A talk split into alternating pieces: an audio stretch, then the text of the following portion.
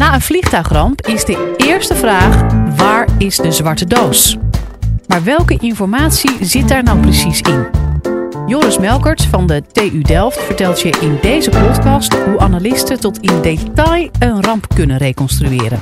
Zelfs als de zwarte doos spoorloos blijft.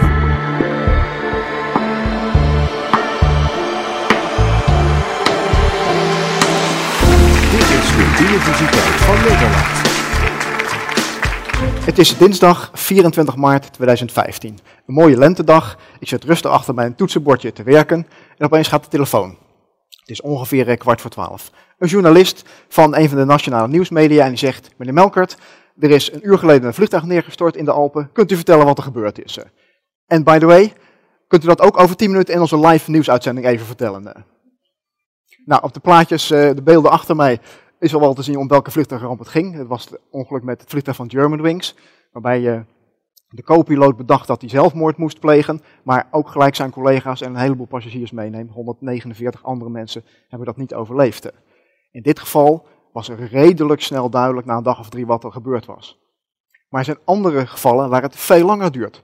Een heel bekend voorbeeld is natuurlijk MH370, dat vliegtuig wat verdwenen is. Verdwenen is in de Indische Oceaan. We weten eigenlijk nog helemaal niet of hij daar eigenlijk wel terecht gekomen is. We hebben heel sterke vermoedens, maar we weten het eigenlijk nog niet. En dan ga je je afvragen van ja, om überhaupt te kunnen onderzoeken wat er gebeurd is, moet je natuurlijk eerst het wrak vinden. En hoe ga je dat nou vinden? Hoe houden we nou vliegtuigen in de gaten? Nou, boven land gaat dat met radar, dat is makkelijk. Maar op het moment dat je eenmaal een stukje op zee bent, heb je geen dekking meer van radarbeelden. Gewoon die radar staan op de kust, uiterlijk op de kust en een paar honderd kilometer daarna houdt het op. Er zijn er wel allerlei moderne systemen, bijvoorbeeld het ADS-B-systeem. Dat kunt u allemaal op uw computer zien. Veel vliegtuigen zijn inmiddels uitgevoerd met dat uh, systeem en dan kunnen we ze al beter in de gaten houden. En nog beter gaan we het in de toekomst doen met satellieten. Maar dit werkt alleen maar als de systemen aan boord aanstaan. Als de piloot besluit om de systemen uit te zetten, of er is een brand aan boord geweest en daardoor zijn de systemen uitgegaan, dan werkt dat niet meer. En dan kan dus een vliegtuig gewoon verdwijnen in het niets en het niets van bijvoorbeeld de Indische Oceaan. We hebben een sterk vermoeden dat dat vliegtuig daar ligt, maar waar precies? Er zijn hooguit enkele brokstukken gevonden en niet meer. En er wordt nu gezocht op een gebied van 120.000 vierkante kilometer. Dat is drie keer de grootte van Nederland. Dit is dus erger dan zoeken naar een speld in een hooiberg. Dus dit gaat misschien nog wel even duren. Nou, is dit karakteristiek? Nee, eigenlijk niet. Het komt wel eens voor dat we lang moeten zoeken naar een vliegtuig. Een ander voorbeeld, een ramp uit 2009 vlucht van Air France, 447, die van Brazilië naar Frankrijk vloog, kwam ook in de oceaan terecht. Na een paar dagen waren daar al wel wat brokstukken gevonden, maar het heeft nog twee jaar geduurd voor we het echte wrak op de zeebodem hebben gevonden. Aan de andere kant kan het ook heel snel gaan. Eerder in 2016 een vlucht van Egypt Air die verdween boven de Middellandse Zee. En na tien dagen hadden we het wrak al gevonden. Dus dat kan soms echt wel heel, heel snel gaan. Nou goed, dan heb je eenmaal dat wrak gevonden. Dan is natuurlijk de vraag van, ja, hoe kom je er nou achter wat er gebeurd is? En veel mensen denken dan, nou, als je de zwarte dozen gevonden hebt, dan weet je alles. Nou, ik heb zo'n zwarte doos meegenomen, om even laten zien hoe die, uh, hoe die eruit ziet. Eigenlijk zijn er twee zwarte dozen aan boord. Je hebt een flight data recorder en je hebt een cockpit voice recorder. En dit is een voorbeeld van een cockpit voice recorder. Als u zich afvraagt hoe ik aan deze cockpit voice recorder kom, is die van een ramp afkomstig? Nee, die heb ik gewoon gekocht op eBay. Voor 600 dollar weet je alles. Nou, ik zal hem eventjes even openmaken. Dan kunnen we eens kijken wat er is. Uh, eigenlijk zit hier in deze kant van de doos een heleboel elektronica die aan signaalverwerking doen. En hierin zit de echte kern. Hierin worden de echte gegevens opgeslagen. Een zware stalen cilinder, die kunnen we openmaken. Er zitten allerlei beschermende lagen in, zand en allemaal stootmaterialen. En dan is dit eigenlijk waar het om gaat. Uh. Hier, in dit stukje, en als ik het rubber even wegvouw, daar zitten de echte ja, SD-chips zou je kunnen zeggen. Hier worden de gegevens opgeslagen. Die zitten netjes in kunsthars gegoten, dan zit er een laag rubber overheen en dan zit het weer hierin in verstopt. Dus dit is die zwarte doos. Dat is één van de twee. Die andere, die flight data recorder, die slaat de vluchtgegevens op. Dus hoogte, snelheid, uh, allerlei gegevens van de motoren. Al dat soort zaken worden daarin uh, in opgeslagen. Nou, die cockpit voice recorder die slaat geluiden op. En het doet dat met microfoons in de cockpit. En er zijn er in totaal vier meestal. En die registreren wat de vliegers tegen elkaar zeggen, wat de vliegers tegen de stewardessen zeggen, wat de vliegers tegen de luchtverkeersleiding zegt. maar ook bijvoorbeeld alle andere geluiden. En daar hebben we dan even een voorbeeldje van, weer van die ramp met Germanwings. Wat, wat u hier hoort is dat de captain probeert binnen te komen terwijl de co-piloot de deur op slot gedaan heeft en niet binnenkomt.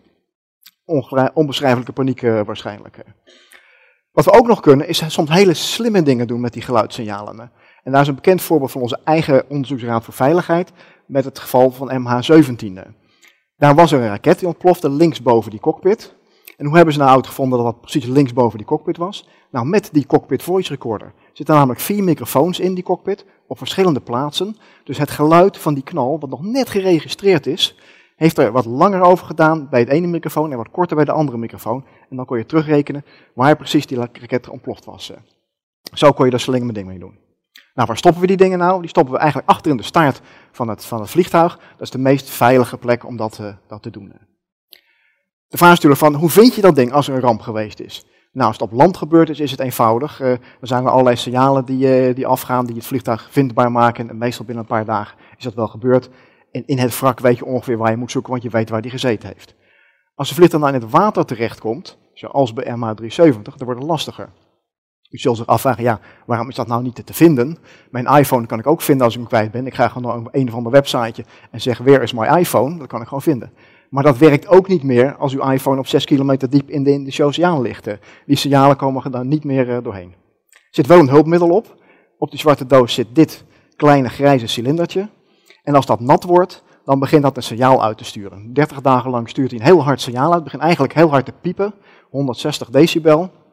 En als je dan een onderwatermicrofoon in het water hangt, kun je hem dan vinden. En meestal is 30 dagen wel genoeg. Eh. Nou, dan vragen mensen af, nou ja, als het dan zo moeilijk is om op een gegeven moment iets te vinden, waarom doen we dat niet draadloos? Hele duidelijke vraag.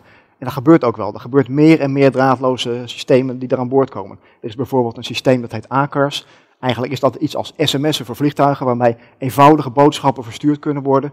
En daarmee kun je in de toekomst ook meer data gaan versturen. Wordt eigenlijk een datalink. Nu is de bandbreedte daarvoor nog niet uh, betrouwbaar genoeg, uh, dus die moet nog meer, uh, wordt groter gemaakt worden. Wat je dan ook moet afvragen is, hoe voorkom je dat mensen daarop in gaan hacken? Want wie mag er bij jouw data komen? daar moet je ook over nadenken. En hoe betrouwbaar die internetlink of die datalink dan gaat worden. Dus voorlopig zullen we hier aan die zwarte dozen vast blijven houden, maar zullen er meer systemen bij gaan komen. Nou, we hebben het vak gevonden, we weten dat er een ongeluk gebeurt, wat gaan we dan doen? Hoe gaan we dan zoeken? Nou, het allereerste is natuurlijk dat we gewoon slachtoffers gaan helpen. We gaan de branden blussen en de slachtoffers die zijn, die gaan we helpen. Eh, de lichamen gaan we uit het wrak houden van de mensen die overleden zijn. En de levende slachtoffers proberen we gewoon te redden. En daarna doe je eigenlijk eerst even helemaal niets meer. Dan ga je van die linten eromheen zetten, zoals we hier achter eh, ons hebben staan. En ga je heel goed kijken. Heel goed kijken. Alles wat er ligt kan een aanwijzing zijn voor die oorzaken. En we gaan dat heel goed documenteren. En dan heel goed bestuderen. En niet alleen het wrak gaan we bestuderen, niet alleen die zwarte doos gaan we bestuderen, maar we gaan ook kijken naar de radardata die er zijn. We gaan mensen interviewen en tegenwoordig hebben we ook meer en meer videobeelden.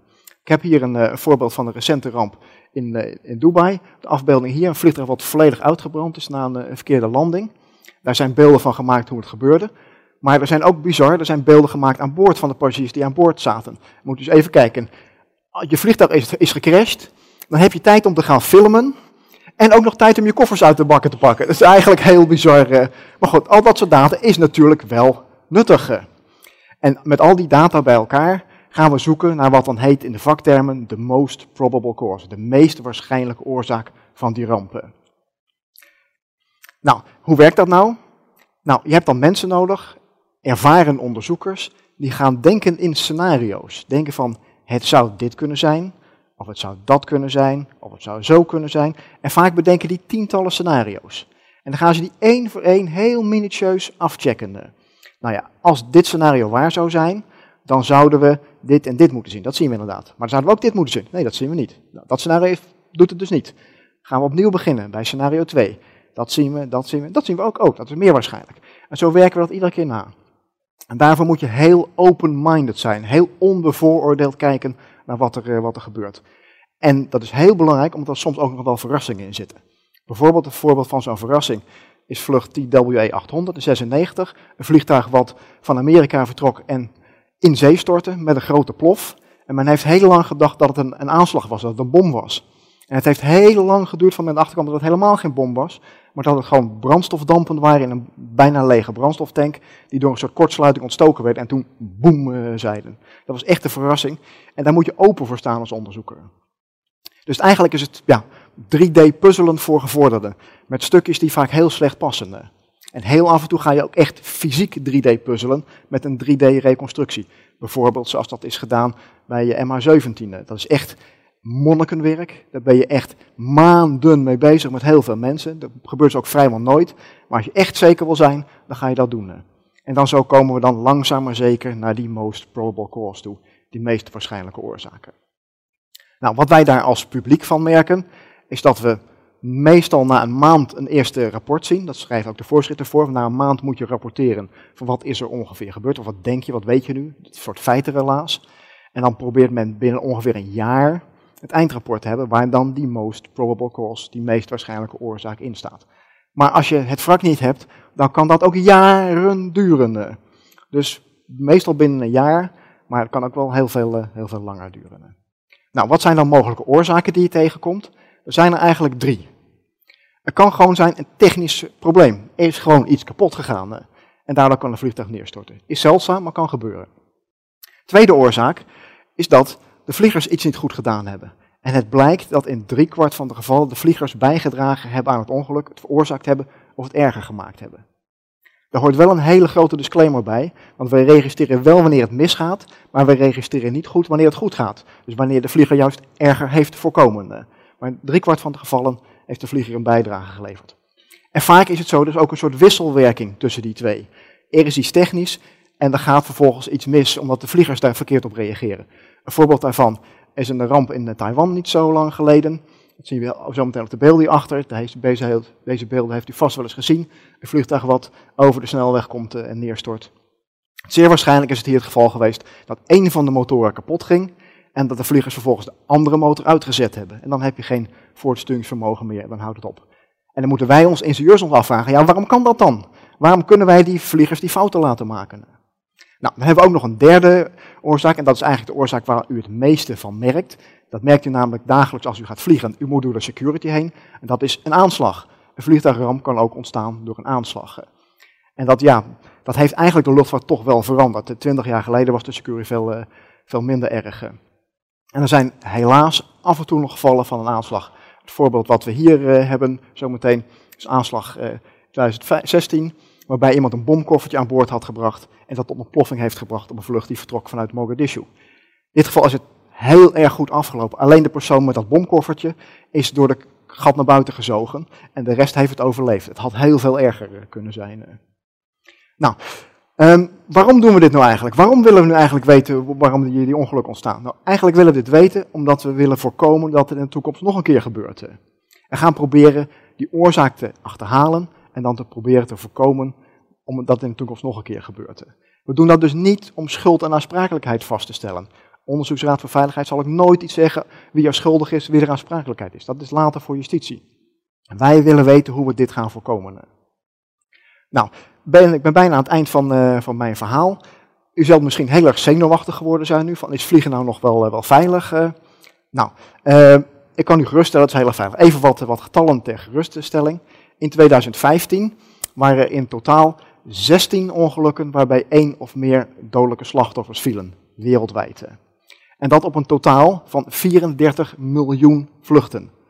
Dat betekent dus dat u een kans had van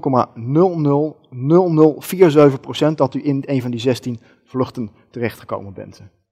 Om het even te vergelijken met het autoverkeer of het wegverkeer, per jaar vallen daar gemiddeld wereldwijd 1,25 miljoen doden als diezelfde aantallen doden zouden moeten vallen in het luchtverkeer, zou dat betekenen dat er per dag zes A380's, dus die dubbeldecks jumbojets met 550 personen aan boord, neer zouden moeten storten, met iedereen dood. Dus als u veilig op vakantie wilt, gaat u met het vliegtuig. Als u houdt van risico nemen, gaat u met de auto. Of nog beter, u gaat fietsen en dan gaat u ook nog appen. Dat is helemaal risico nemen. Goed, ik kom aan het eind van mijn verhaal. Hoe, hoe kom je dan achter wat, wat die, eh, die ramp eh, heeft veroorzaakt? Waarom is dat vliegtuig neergestort? Nou, eigenlijk is het gewoon 3D-puzzelen voor gevorderden, 3D-puzzelen voor experts. Maar wel mensen met een hele open blik, heel onbevooroordeeld, heel open-minded. En we vinden dan die most probable waarmee we in de toekomst zo'n ongeluk nog een keer proberen te voorkomen.